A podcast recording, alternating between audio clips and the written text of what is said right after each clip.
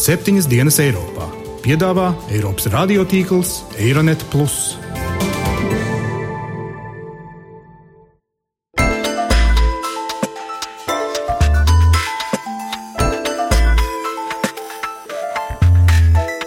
Šonadēļ septiņas dienas Eiropā dzirdēsim.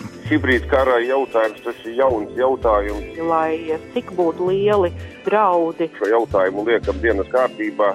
Конечно, проигрывать всегда плохо.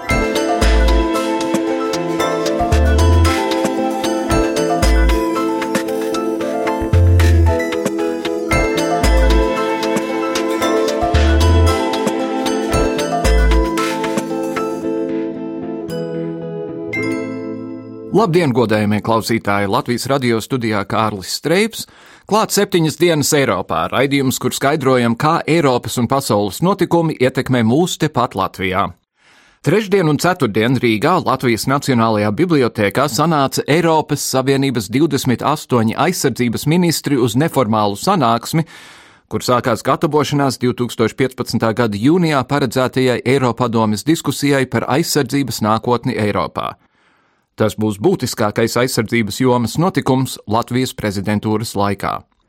Tāpēc šoreiz raidījumā taisāmies plašāk apspriest šī brīža Eiropas Savienības drošības politikas prioritātes un noskaidrot, vai dēļ pēdējā laika notikumiem šīs prioritātes ir mainījušās. Bet vispirms uzklausīsim dažādus viedokļus. Šoreiz par Krievijas neatslāpstošajiem centieniem sašķelt Eiropas Savienības vienotību, šoreiz ar Ungārijas prezidenta Orbāna labvēlību.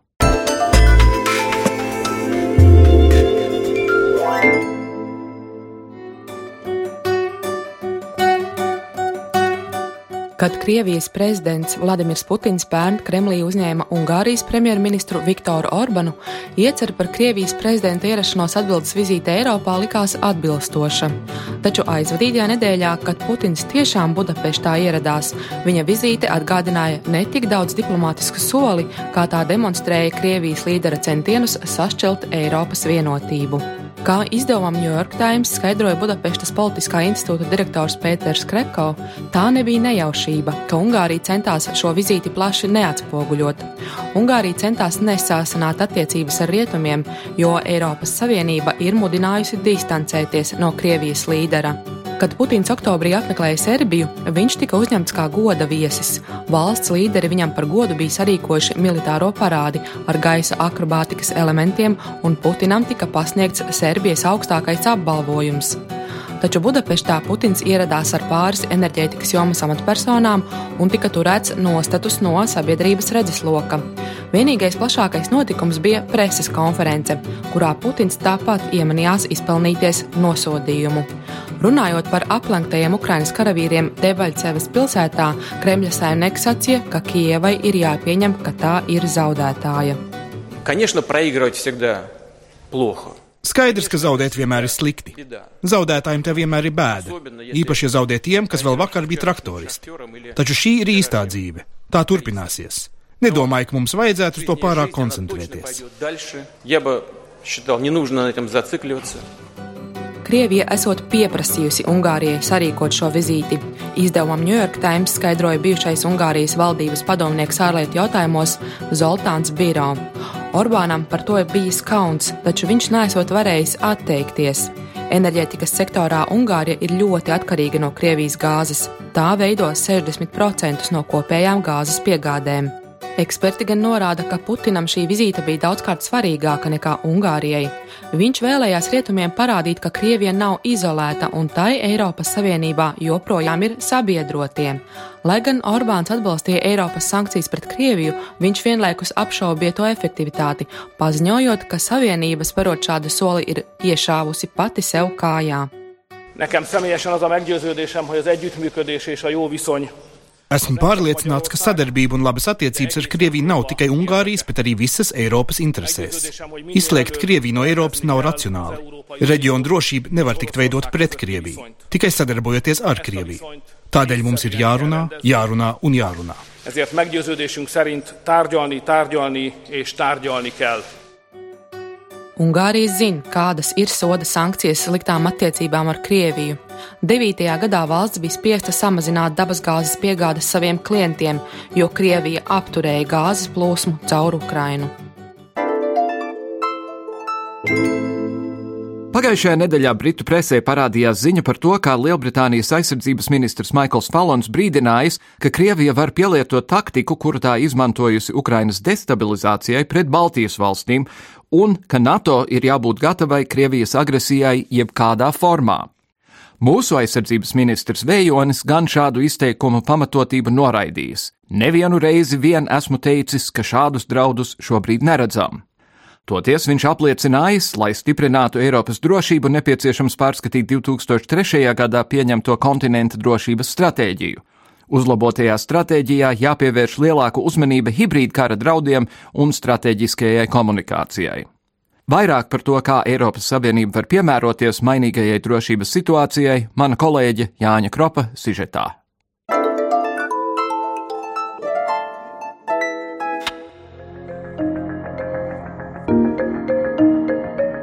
Jauni drošības izaicinājumi Eiropai un Transatlantiskai Savienībai, hibrīdkarš Ukrainā, kas varbūt pat līdz galam nav izprotams un, protams, sarežģītais jautājums, kā tad būt tālāk?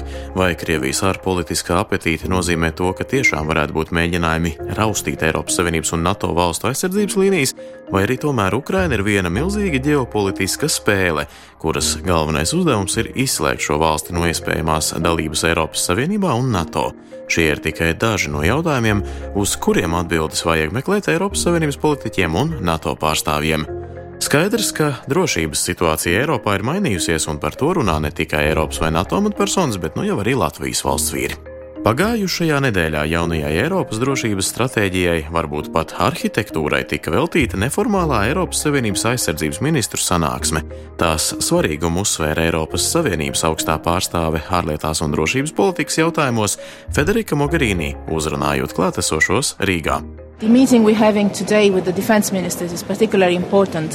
Tikšanās ar aizsardzības ministriem šobrīd ir ļoti svarīga, jo ir pienācis tas brīdis, kad mūsu drošība ir apdraudēta ne tikai dienvidos, bet arī austrumu pierobežā. Tāpēc Eiropas Savienībai savas drošības dēļ šobrīd ir ļoti svarīgi sanākt kopā un saliedēties. Mēs nerunājam tikai par militāru sadarbību. Tas, kas attiecas uz Minskas vienošanās ievērošanu, tur Eiropas Savienība jau ir piedāvājusi palīdzību un sniedz savu atbalstu. Šobrīd mums ir jādiskutē un jāpieņem lēmumi par kopēju rīcību aizsardzības ministru līmenī. Un šajā gadījumā es es vēlētos pateikties Latvijai, kas šo jautājumu ir izvirzījusi par vienu no prioritātēm prezidentūras laikā. Turklāt šobrīd ir ļoti svarīgi šajā diskusijā iesaistīt arī pārējos Eiropas kolēģus. Uh, together with all our European colleagues uh, in this uh, respect. Vēsturiski Eiropas Savienība jau ir tāpusi kā apvienība Eiropas drošībai, vienīgi laika gaitā ir mainījušies draudu veidi un avoti. Politoloģi Žaneta Ozoliņa kuluāru sarunas par iespējamām Eiropas Savienības drošības institūcijām uzskata par nereāliem sapņiem. Eiropa ir pārāk dažāda, lai šā brīža draudu priekšā spētu vienoties par vienotu aizsardzības ministra posteni. Man ir grūti iedomāties, nu, ņemot vērā visu šo vēsturisko pieredzi, ka šajā brīdī uh, varētu runāt par uh, Eiropas Savienības aizsardzības ministru uh, vai par Eiropas Savienības kādu jaunu aizsardzības iniciatīvu, kas būtu institucionalizēta. Jo, lai arī cik liels šis ārējais spiediens un arī lai cik būtu lieli draudi apkārt Eiropas Savienības robežai, tomēr tradicionāli aizsardzības funkcijas ir uz saviem pleciem uzņēmusies alianse. Un tā kā lielākā daļa Eiropas Savienības dalību valsts ir arī NATO dalību valsts, tad tādā gadījumā šāds tīri eiropeisks veidojums varētu runāt pretī tam, ko dara alianses. Žaneta Ozoliņa arī vērš uzmanību uz to, ka Eiropas valstu stratēģija drošības politikā arī ir dažāda. Piemēram, īrija ir izvēlējusies īpaši starptautiskajā politikā nejaukties, kamēr Zviedrija atkal ir aktīva starptautisko notikumu ietekmētāja, taču aizsardzība atkal izvēlas paļauties uz savu vēsturisko neutralitātes politiku. Otra pieminētā lieta ir Eiropas Savienības sadarbība ar NATO. Šeit jāmin tas, ko Rīgas apmeklējuma laikā pateica NATO ģenerālsekretārs Jens Stoltenbergs. Alianse stāv un stāvēs kopā ar Eiropas partneriem, turpinot pildīt tās drošības garanta funkciju. Think, uh, es domāju, pats fakts, ka NATO ģenerālsekretārs tiekas ar Eiropas Savienības aizsardzības ministriem parāda, cik ļoti svarīga šobrīd ir sadarbība starp NATO un Eiropas Savienību. Mūsu galvenais mērķis šobrīd ir panākt uguns pārtraukšanu Ukrainā un darīt visu, lai Mīnskas sanāksmes vienošanās tiktu izpildīta. Protams, šobrīd mēs pielāgojam arī savas pozīcijas un plānus laikā, kad redzams drošība situācija Eiropā piedzīvo pārmaiņas. Viena lieta, par ko mēs runājam visaktīvāk, ir ieviest ātrās reaģēšanas spēku plānu. Tas ļaus mūsu spēkiem būt mobilākiem un būt gataviem ātrāk reaģēt uz apdraudējumu. Vēl, protams, svarīgi runāt par drošības pasākumiem, kas iedrošina Baltijas valstu un Baltijas reģionu iedzīvotājus, ka NATO arī nākotnē spēs garantēt mieru. To make sure that NATO is able to also in the future defend all uh, allies. To, ka šobrīd draudu novēršanai nav īstas stratēģijas, Latvijas televīzijas rīta panorāmai atzina aizsardzības ministrs Raimons Vējonis. Viņš uzsver, ka hibrīdkarš ir kaut kas pavisam jauns un pagaidām nezināms izaicinājums, kam vēl ir jāatrod pareizā reakcija. Hibrīd kara jautājums tas ir jauns jautājums, un tāpēc mēs savas prezidentūras laikā šo jautājumu liekam dienas kārtībā, lai uzsāktu diskusiju un arī panāktu jau kaut kādus rezultātus, gan kā identificēt, kā atbildēt uz šādām reakcijām, kā koordinēt valstu rīcību un kā stiprināt attiecīgās kapacitātes. Un, protams, paldies Stoltenberga kungam, ka viņš piedalās šajā pasākumā, jo arī ir būtiski stiprināt Eiropas Savienības un NATO sadarbību. Ne tikai hibrīd kara novēršanas jautājumos, bet kopumā stiprināt sadarbību ar NATO. Tikmēr NATO ģenerālsekretārs Jens Stoltenbergs uzsver, ka jāturpina ir iesāktais darbs, kura rezultāts ir ātrāk un precīzāk pareizo spēku izvietošana jebkurā tiem paredzētajā vietā, lai novērstu draudus. Tāpat būs galvenais spēja adekvāti reaģēt, turpina Jens Stoltenbergs. Uh, Mēs jau esam pilnveidojuši drošības mērus. Mums rotācijas kārtībā ir vairāk lidmašīnu gaisā, kuģi jūrā un karēvju uz sauszemes, tādējādi palielinot mūsu iespējas aizsargāt sabiedrotos. Kam mēs vairāk cenšamies pielāgoties, ir hibrīd karš. Tas ietver vairākus elementus. Pirmkārt, stratēģiju un izpratni par hibrīd karu, kas lielā mērā ir centieni labāk saprast esošo situāciju un riskus. Šeit svarīgi ir informācijas vākšana, izlūkošana, arī pretizlūkošana. Šīs lietas ir daļa no kopējā reaģēšanas plāna, ko mēs šobrīd arī pielietojam. Otrakārt, tie ir pareizie spēki, izvietoti pareizajā vietā un pareizajā laikā, jeb mūsu spējas reaģēt efektīvi. Trešā lieta ir spēja pieņemt pareizos lēmumus. Lai precīzi reaģētu uz hibrīda kara apdraudējumu, jāpieņem ļoti precīzi un savlaicīgi lēmumi. Pie šīm lietām jau tiek strādāts, bet tās ir jāpilnveido, lai arī nākotnē NATO varētu aizsargāt savus biedrus but we're going to develop it further to keep NATO strong also in the future. Hibrīda kara jēdziens tiešām ir kas jauns un pietiekami nesaprotams. Arī politoloģi Žaneta Ozoliņa nešaubās, ka kopēju stratēģiju vēlētos redzēt pēc iespējas vairāk Eiropas Savienības valstu valdību pārstāvji. Tomēr svarīgi ir saprast, kādu ceļu tālāk izvēlēsies Eiropa. Draudus jau novērst arī var ārpus savas teritorijas, piemēram, investējot dažādos projektos, lai draudu Eiropā vispār neienāktu. Viens no redzamākajiem jaunās sistēmas piesaucējiem ir bijis Somijas prezidents Saulī Nīniste. Viņa valsts nav NATO un tuvākajā laikā visticamāk arī nebūs. Somi nevēlas kļūt par kara frontes līniju. Latvija savukārt kopā ar pārējām Baltijas valstīm ir frontes līnijā un skaidrs, ka mūsu stratēģija ir pilnveidot savas aizsardzības spējas divu organizāciju ietvaros. Esam uzņēmušies saistības NATO, tāpat arī Eiropas Savienībā. Pirmā organizācija prasa noteiktas militārās spējas, kamēr otra paredz prasmīgu diplomātiju. Šobrīd mums ir tā iespēja aktīvi strādāt tieši otrajā jomā. thank you lai spriestu par Eiropas Savienības jaunajām drošības prioritātēm, par to, vai dažādas valstis atšķirīgi skatās uz kontinenta nākotnes drošību un ko Latvija cer un var panākt līdz noteicošajai Eiropadomas drošības un aizsardzības sanāksmei jūnijā, studijā esam aicinājuši Latvijas Universitātes docentu un drošības un strateģiskās pētniecības centra pētnieku Tomu Rostoku. Labdien! Labdien. Sāksim ar jau raidījumā pieminēto Eiropas drošības stratēģiju, kas tagad jau ir diezgan sena un tika pieņemta laikā, kad Krievija vēl nebija kļuvusi par psihotisku valsti. Um, kam ir jānotiek jūsuprāt Eiropā pirmām kārtām, lai kaut kā veicinātu drošību? Jautājums jau šajā gadījumā, es domāju, nav tik daudz par stratēģijām, bet uh, par praktiskiem pasākumiem. Jo var, protams, uzsākt stratēģijas procesu. Stratēģijas arī ir vajadzīgas, un tā iepriekšējā stratēģija patiešām ir novecojusi. Viņa tika pieņemta tad, kad terorisms bija starptautiskais draudz numur viens. Bet uh, šajā brīdī tas, kas prasās Eiropā, ir skaidru izpratni par tiem diviem pašreizējiem lielajiem izaicinājumiem, kas ir Krievija un Tuvija Austrum Ziemeļāfrika. Un būtu vēlams, lai Eiropas valstis būtu gana vienotas un lai viņas spētu realizēt pret pasākumus, kas ir vērsti vismaz, ja ne uz šo draudu neutralizēšanu, nē, tad vismaz uz to, lai Eiropas Savienības valsts spētu atturēt šos draudus un noturēt izstieptas rokas attālumā.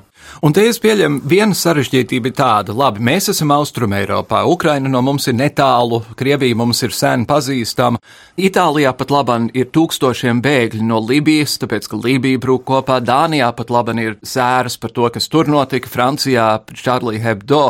Katrā valstī pat, būtībā pat laban kaut kas traks notiek, un tas ir vai nu antisemītisms, terorismu pacēlums tādā ziņā, antimusulmaņu pacēlums tādā ziņā un tā tālāk un tā joprojām. Tur izskatās grūti, ka varēs atrast kaut kādu kopsaucēju. Pat labi ir tā, ka ļoti daudz kas notiek vienlaikus, un tad, protams, ir jautājums par to, vai tas ir kaut kas ārkārtējs, vai arī tas ir tas, kas mūs sagaida nākotnē un kas kļūs par mūsu normālo ikdienu. Un uh, mūsu sākuma punkts ir bijis tāds, ka pie mums šādas lietas nenotiek Eiropā. Mēs esam ar lielu gatavību vienmēr saņēmuši ziņas par to, ka terora akti un dažādi uzbrukumi un visādas nekārtības notiek citur pasaulē, bet ne Eiropā. Iespējams, ka mēs ieejam tādā fāzē, kad šī kļūs par mūsu ikdienu. Es ceru, ka tas nenotiks, un ka Eiropas valstu drošības dienesti, un ka tur būs arī citi pasākumi, ar kur palīdzību varētu mēģināt izvairīties no šādas nākotnes, bet pastāv iespēja, ka tas ir tas, kas mūs sagaida. Latvija pat labam ir Eiropas Savienības padomas prezidējošā valsts, protams. Cik liela balss Latvijai pat labam ir šādā kontekstā? Mēs vadām sanāksmes. Latvijas viedokli šobrīd vairāk dzird, bet jāsaprot arī tas, ka Krievija jau nav problēma tikai uz pusgadu, kas ir mūsu prezidentūras laiks, un tāpat arī Tuvija Austrum un Ziemeļāfrika ir ilgtermiņa problēma. Tāpēc Latvijai ir jāstrādā, lai, lai iekļautos gan jaunajā stratēģijas veidošanas procesā, gan arī atbalstot tās valstis, kuras saskars ar draudiem, kas varbūt mums nav tik aktuāli. Es domāju, ka prezidentūra ir bijusi ļoti laba tādā ziņā, ka mēs saprotot, ka mēs pārstāvam visu Eiropas Savienību, ka mēs vairāk arī ieklausāmies citās valstīs, jo parasti prezidējošā valsts tiek uzlūkot kā tāds godīgs sarunu vedējs, un mums ir jāpārstāv visi. Un tas, manuprāt, ir labi arī mūsu pašu interesēm, ka mēs viņus labāk apzināmies, ka nav tikai Krievija, bet ka ir arī citas intereses un ka tās arī ir uh, svarīgas. Tieši šajā kontekstā, atkāpjoties drusku no šī centrālā jautājuma, man ir interesanti skatīties, kā pat labam tiek rehabilitēts Lukašenko Baltkrievijā, kurš salīdzinoši tagad ir mērens, salīdzinot ar Putinu un, un arī ar Islāma valsti. Mūsu ārlietu ministrs tur ir bijis. Vai tas nozīmē, ka tagad nāksies pievērt acis Eiropas pēdējiem diktatoram tikai tāpēc, ka viņš nav bruņojies un brūk virsū kādam citam? Laika gaitā ir ļoti mainījušās stratēģijas, ar kur palīdzību Eiropas Savienība un ASV vēršas pret uh, Baltkrieviju.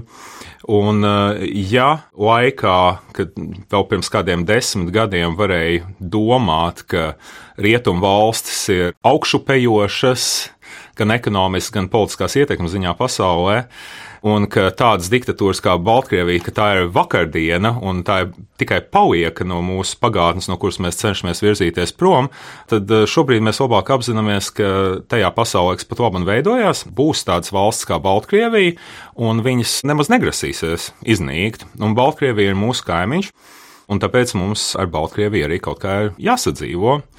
Un mainījies arī klimats Eiropas Savienībā. Attieksme pret Baltkrieviju nedaudz, tomēr mums ir, ir jāskatās. Nu, ja, ja Lukašenko vēlas virzīties tuvāk Eiropai, tad iespējams, ka tas ir arī mūsu interesēs. Bet tiesa gan tas nenozīmē, ka tā būtu zaļā gaisa Lukašenko, ka viņš tagad savā valstī var darīt visu, ko viņš vēlas.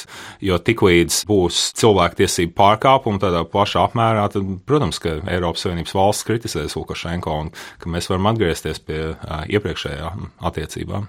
Lai gan tajā pašā laikā, ja nemaldos, joprojām cietumā Baltkrievijā ir viens cilvēks, kura lielais noziegums bija, ka viņš uzdrīkstējās kandidēt pret Lukašenko prezidentu vēlēšanās, nu jau laikam pirms kādiem pieciem, sešiem gadiem. Jā, es neesmu politiķis, tāpēc es uz to jautāju, vai mums nāksies pievērt acis uz atsevišķām Lukašenko režīma izpausmēm, tad es varu droši pateikt, ka jā. Ja par Eiropas vienotību. Grieķijā tagad ir jauna valdība, kuras ārlietu ministrs laimīgs uzslējās uz pakaļkājām un paskaidroja mums visiem, ka Ukrainā valda neonācisti. Nu pat uh, Putins ir bijis Ungārijā, kur viņš ir uzņemts mīļi un jauki un skaisti. Cik lielā mērā jūsuprāt Putinam tiešām izdosies šie centieni šķelt Eiropu un kaut kādā veidā panākt, ka pret viņu nekas vairāk netiek vērsts? Šie centieni pagaidām ir veiksmīgi tādās redzamās izpausmēs tikai nu, vizīte Ungārijā. Kāds Eiropas Savienība aizbilst labu vārdu par Krieviju, bet uh, tam nav bijusi liela ietekme uz Eiropas Savienības valstu kopējo nostāju. Man šķiet, ka pat labam nav neviena laba iemesla, kāpēc Eiropas Savienības valstu nostāja vajadzētu mainīties pret Krieviju. Tur patiešām ir jānotiek kaut kam ārkārtējam, lai sankcijas tiktu atceltas un lai mēs varētu runāt par attiecību normalizēšanu. Tā kā man šķiet, ka pagaidām šīs balsis, kuras aicina saukt ar Krieviju, viņas tiek noturētas tomēr pietiekami tālu no ietekmes uz reālo lēmumu pieņemšanu. Un tad, kad 28 valstis sanāk kopā, tad jau var drusku iepļaukāt Ungāriju un Grieķiju un, un drusku paspiest viņus. E, jā, es domāju, ka šeit ir izšķiroša Vācijas nostāja. Tikmēr, kamēr Vācija ieņem striktu nostāju attiecībā pret Krieviju, tad tikmēr arī tādas valsts kā Ungārija un Grieķija būs spiestas ar to samierināties. Kur visā šajā diskusijā, starp citu, ir palicis EDSO? Ļoti sen nav nekas dzirdēts par EDSO. Eiropas drošības un sadarbības organizācija. Jā, teiksim, šie te jautājumi pagaidām tiek apspriesti Eiropas Savienības līderu ASV līderu un Krievijas savstarpējās attiecībās. Un Eiropas drošības sadarbības organizācija nav kļuvusi par tādu fórumu, kas spēj uh, sniegt kaut kādu būtisku pienesumu un uh, Ukrainas krīzes risināšanā. Un uh, es arī, ja uh, īpaši neesmu redzējis cilvēkus, kuri rautos izmantot šo organizāciju, lai, lai to krīzi palīdzētu risināt. Vai viņa tādā gadījumā ir vajadzīga? Organizācijas tik viegli nemirst, viņas snauduļo un, uh, un gaida uh, brīdi, kad viņas varētu izrādīties noderīgas. Un tad, tad laikam ir jājautā arī, nekādas īpašas cerības nav arī no apvienoto nāciju organizācijas šajā kontekstā, kamēr Krievijai tur ir veto tiesības. Oh, absolūti nekādas. Tātad ANO cerība, ka ANO nāks klajā ar kādiem skaļiem kritiskiem paziņojumiem attiecībā pret Krieviju, es domāju, ka tas ir naivi, bet eh, šis ir arī plašāks jautājums, jo, jo faktiski mums eh, dzīvojot eh, Eiropā šķiet, ka Krievija tagad ir izolēta no pārējās pasaules, ka Krievija ir mazākumā, ka Krieviju neviens neatbalsta, ka ar viņiem neviens negrib satikties. Nu, pietiek paskatīties uz, uz pēdējām Putina vizītēm gan Ēģiptē, gan arī attiecības ir tikušas intensificētas ar, ar Ķīnu un ar Indiju. Un tad, gribot vai negribot, rodās pārdomas par to, vai kādā brīdī tālākā nākotnē, ne tuvākā nākotnē, bet iespējams, ka tālākā nākotnē rietumi tiks izolēti no pārējiem. Jo, jo mēs esam līdz šim dzīvojuši tādā pārliecībā, ka, ja mums kāds nepatīk, tad mēs viņu varam izolēt un neviens ar viņu nedraudzēsies. Tie laiki ir pagājuši, un uh, mēs, protams, varam nedaudz arī smīkņāt par Krievijas centieniem pārorientēt savu tautsēmniecību un intensificēt attiecības ar, ar Āzijas un Dienvidamerikas valstīm, bet beigu beigās var izrādīties, ka tur patiešām kaut kas sanāk un ka rietumi paliek mazākumā un ka rietumi faktiski tiek izolēti. Tā varbūt ir pārāk apakaliptiska vīzija, un, kā jau teicu, tas nav tuvākās nākotnes jautājums, bet uh, man šķiet, ka Krievija netuvu nav izolēta. Mums, mums šeit Eiropā tikai tāds priekšstats. Lai gan man liekas, ka, ja sāktu virzīties tajā virzienā, ko jūs nu pat minējāt, rietumi ir viena lieta, Amerikas Savienotās valstis ir kaut kas cits, un visām minētajām valstīm, it īpaši Eģiptei, tomēr attiecības ar Ameriku ir ļoti, ļoti būtiskas. Jā, bet tā skaistā lieta Krievija šeit ir tāda, ka, ka tām valstīm nav jāizvēlas.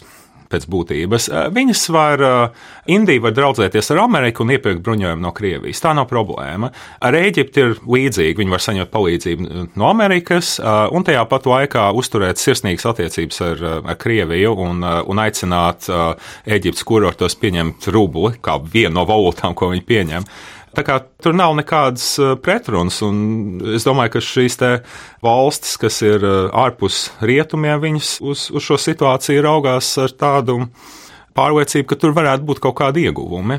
Otra problēma, kuru es pat labam saskatu, ir, ka līdz nesenam brīdim Ja notika kari pasaulē, tie bija starp valstīm. Tur varēja būt brutāli režīmi un visādas trakas lietas. Pat labāk pasaule tomēr, nu vismaz rietumu pasaule, stāv pret valsti, kura ir pateikusi, ka viņai starptautiskais likums, starptautiskā kārtība un viss pārējais ir pilnīgi pie vienas kājas, sākot ar 94. gada līgumu par Ukrainas neaizskaramību. Un šis pēdējais gadījums, kur Putins sēdēja pie galda Minskā, acīm redzot ļoti labi zinādams, ka tas, kas tur tiks sarunāts, tiks ignorēts tajā mirklī, kad tie paraksti būs uz papīra. Jā, līdz šim rietumiem ir bijuši vāji pretinieki pēc augstā kara. No nu, augstā kara laikā bija spēcīgāks pretinieks, un tad uh, abas puses vienotru līdzsvaroja. Tagad tā situācija ir citādāka, protams. Krievija tas ir uh, citas svara kategorijas uh, pretinieks, bet uh, man tomēr šķiet, ka daudz viet vēl cilvēku nav sapratuši, cik lielā mērā Krievija ignorē starptautiskās tiesības, kā, kā jūs to jau minējāt. Un tieši tas arī ir tas iemesls, kāpēc Krievija neatzīst, ka viņi piedalās šajā konfliktā. Un faktiski mums šķiet, ka visiem taču ir acīm redzams, ka Krievija ir aktīvs šī konflikta dalībnieks, bet uh, atkal tas tā nebūtu nav. Un, uh, manuprāt, un Krievija spēja kaut kādā mērā saglabāt uh, tādu seju, ka viņi gan atbalsta, pakļaujās starptautiskajām tiesībām, ievērotās, ka viņi nepiedalās Ukrainas konfliktā un tam līdzīgi teiksim, šī te Krievijas nostāja, viņa uh, dod spēku Krievijas draugiem visā pasaulē. Vai jūs saskatāt iespēju, ka turpinoties Krievijas nepieteiktajam karam Ukrainā, kas cits starpā nozīmē, ka tad, kad Krievija zaudētu tur iet bojā, viņi būtībā tiek izdzēsti no vēstures pavisam, ka Krievijā varētu tuvoties militārs apvērsums? Es nevaru iedomāties, ka Krievijas bruņotie spēki ir priecīgi par to, ka viņi pat labi nodarbojas ar slepenu karošanu. Krievijas bruņotie spēki tiek dāsni atalgoti par šo te karošanu, un uh, es neesmu, teiksim, karavīri iespējams nav priecīgi, jo viņiem ir uz turieni jādodas karot, un viņi to vienu daļu iespējams, nevēlas bet uh, Krievijas armijas rīcībā esošie līdzekļi ir ievērojami palielināti pēdējos gados, pēdējos desmit gados, un um, iespējams, ka tie tiks palielināti arī nākotnē, un tas faktiski nozīmē, ka armijas vadībai nav absolūti nekāda stimula pat domāt par to, ka pašreizējo līderu Krievijā vajadzētu gāzt no varas, un savukārt karavīri uz to pavisam noteikti nav spējīgi. Tāpēc Krievijas armija ir tāda uh, interešu grupa, kuras intereses faktiski tiek apmierinātas, kur var cerēt uz gaišāku nākotni, pat neraugoties uz to, ka valsts ekonomika kopumā turpmākajos gados uh, stagnēs.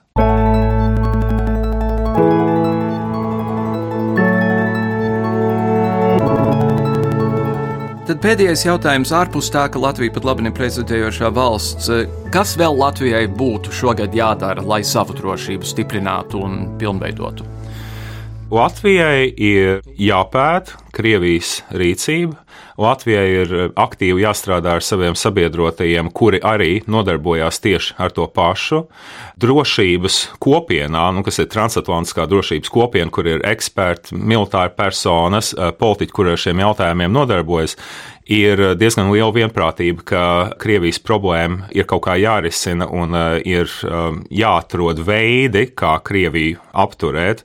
Un uh, šeit es domāju, ka uh, mūsu darbs ar sabiedrotiem ir ļoti svarīgs. Un, protams, ka mūsu ilgstošais mērķis ir uh, pašiem spēt, varbūt nodrošināt kaut kādas atturēšanas spējas, ka mēs ne tikai kopā ar citiem, bet ka mēs arī paši varētu izveidot spējas, kuras Krievijai liktu padomāt divreiz, vai šeit ir vērts kaut ko iesākt. Latvijas Universitātes docents Toms Rostoks, paldies jums par sarunu! Anglijas kontroversiālā premjerministre Margarita Tečere esot apgalvojusi, ja vēlaties, lai kaut kas tiktu pateikts, pajautājiet vīrietim. Ja vēlaties, lai kaut kas tiktu izdarīts, jautājiet sievietei. Mēs septiņas dienas Eiropā uzskatām, ka vienmēr ir svarīgi visu izrunāt, bet, ja netaisās neko darīt, tad labāk paklusēt un netraucēt darītājām. Pagājušā nedēļā vizītē Rīgā ieradās Eiropas parlamenta sieviešu tiesību un dzimumu līdztiesības komitejas delegācija, lai aktualizētu cīņas pret vardarbību nozīmību dzimumu līdztiesības politikā. Bet tikmēr sievietes Latvijā un citur pasaulē bauda grāmatas un filmas Greja 50 nokrāsas fenomenu. Vai tā ir kāda liekulības forma, jeb kādas ir tendences un skaidrojumi vārdarbības un seksa kultam kultūra produktos? Komentē publiciste Anete Konste. Nu, es nedomāju, ne, ka tā ir liekulības forma, jo es pieņemu, ka tie cilvēki, kas skatās filmu un tie, kas cīnās par sieviešu līdztiesībām, ir divas principā dažādas cilvēku grupas. Un arī, tas ir kāds īpašs kults, jo seks, un tā skaitā arī seksa kultūra produktos, man liekas, ka cilvēkus ir interesējis vienmēr. Bet interesanti ir vērot to, ka sievietes, kas ir izcīnījušas līdztiesību šajā pasaulē, ko varam vērot kaut vai arī situācijā tiesnešu vidū, ko nesen bija aktualizējis mūsu prezidents, kur 90% ir sieviešu, ka tajā pašā laikā tās sievietes tā kā klusībā sapņo tikt pakļautas un uh, cer, ka atnāks kāds uh, vampīrs, kā filmas krēsla gadījumā, vai kāds miljardieris vardarbīgs, kurš viņas tomēr pakļaus un, uh, un nopērs vai izsūks viņām asinis vai izdarīs kaut ko tam līdzīgu. Un uh, nenāk prātā nekāda tāda paša mēroga grāmata, kurā galvenā varona būtu tāda Žānas Dārkas tipa sieviete, kas cīnās par savām tiesībām un beigās uzveic jauno pasauli ar saviem spēkiem, nevis ar vīriešu palīdzību. Ar to arī izskan šīs nedēļas septiņas dienas Eiropā. Nu, dienu mēs pat labam dzīvojam ļoti, ļoti sarežģītā laikmetā. Jācer, ka Eiropas Savienība saglabās vienotību, jācer, ka Krievija vienosies, un pa visu vairāk jācer, ka Latvija būs drošībā. Līdz nākamajai nedēļai. Visu labu!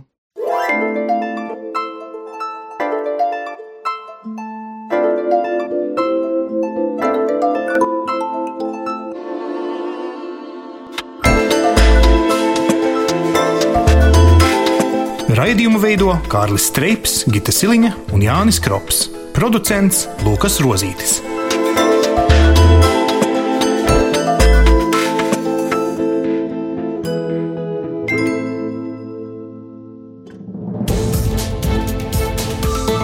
Visus Eironet plus sižetus un raidījumus meklējiet Latvijas radio mājaslapā.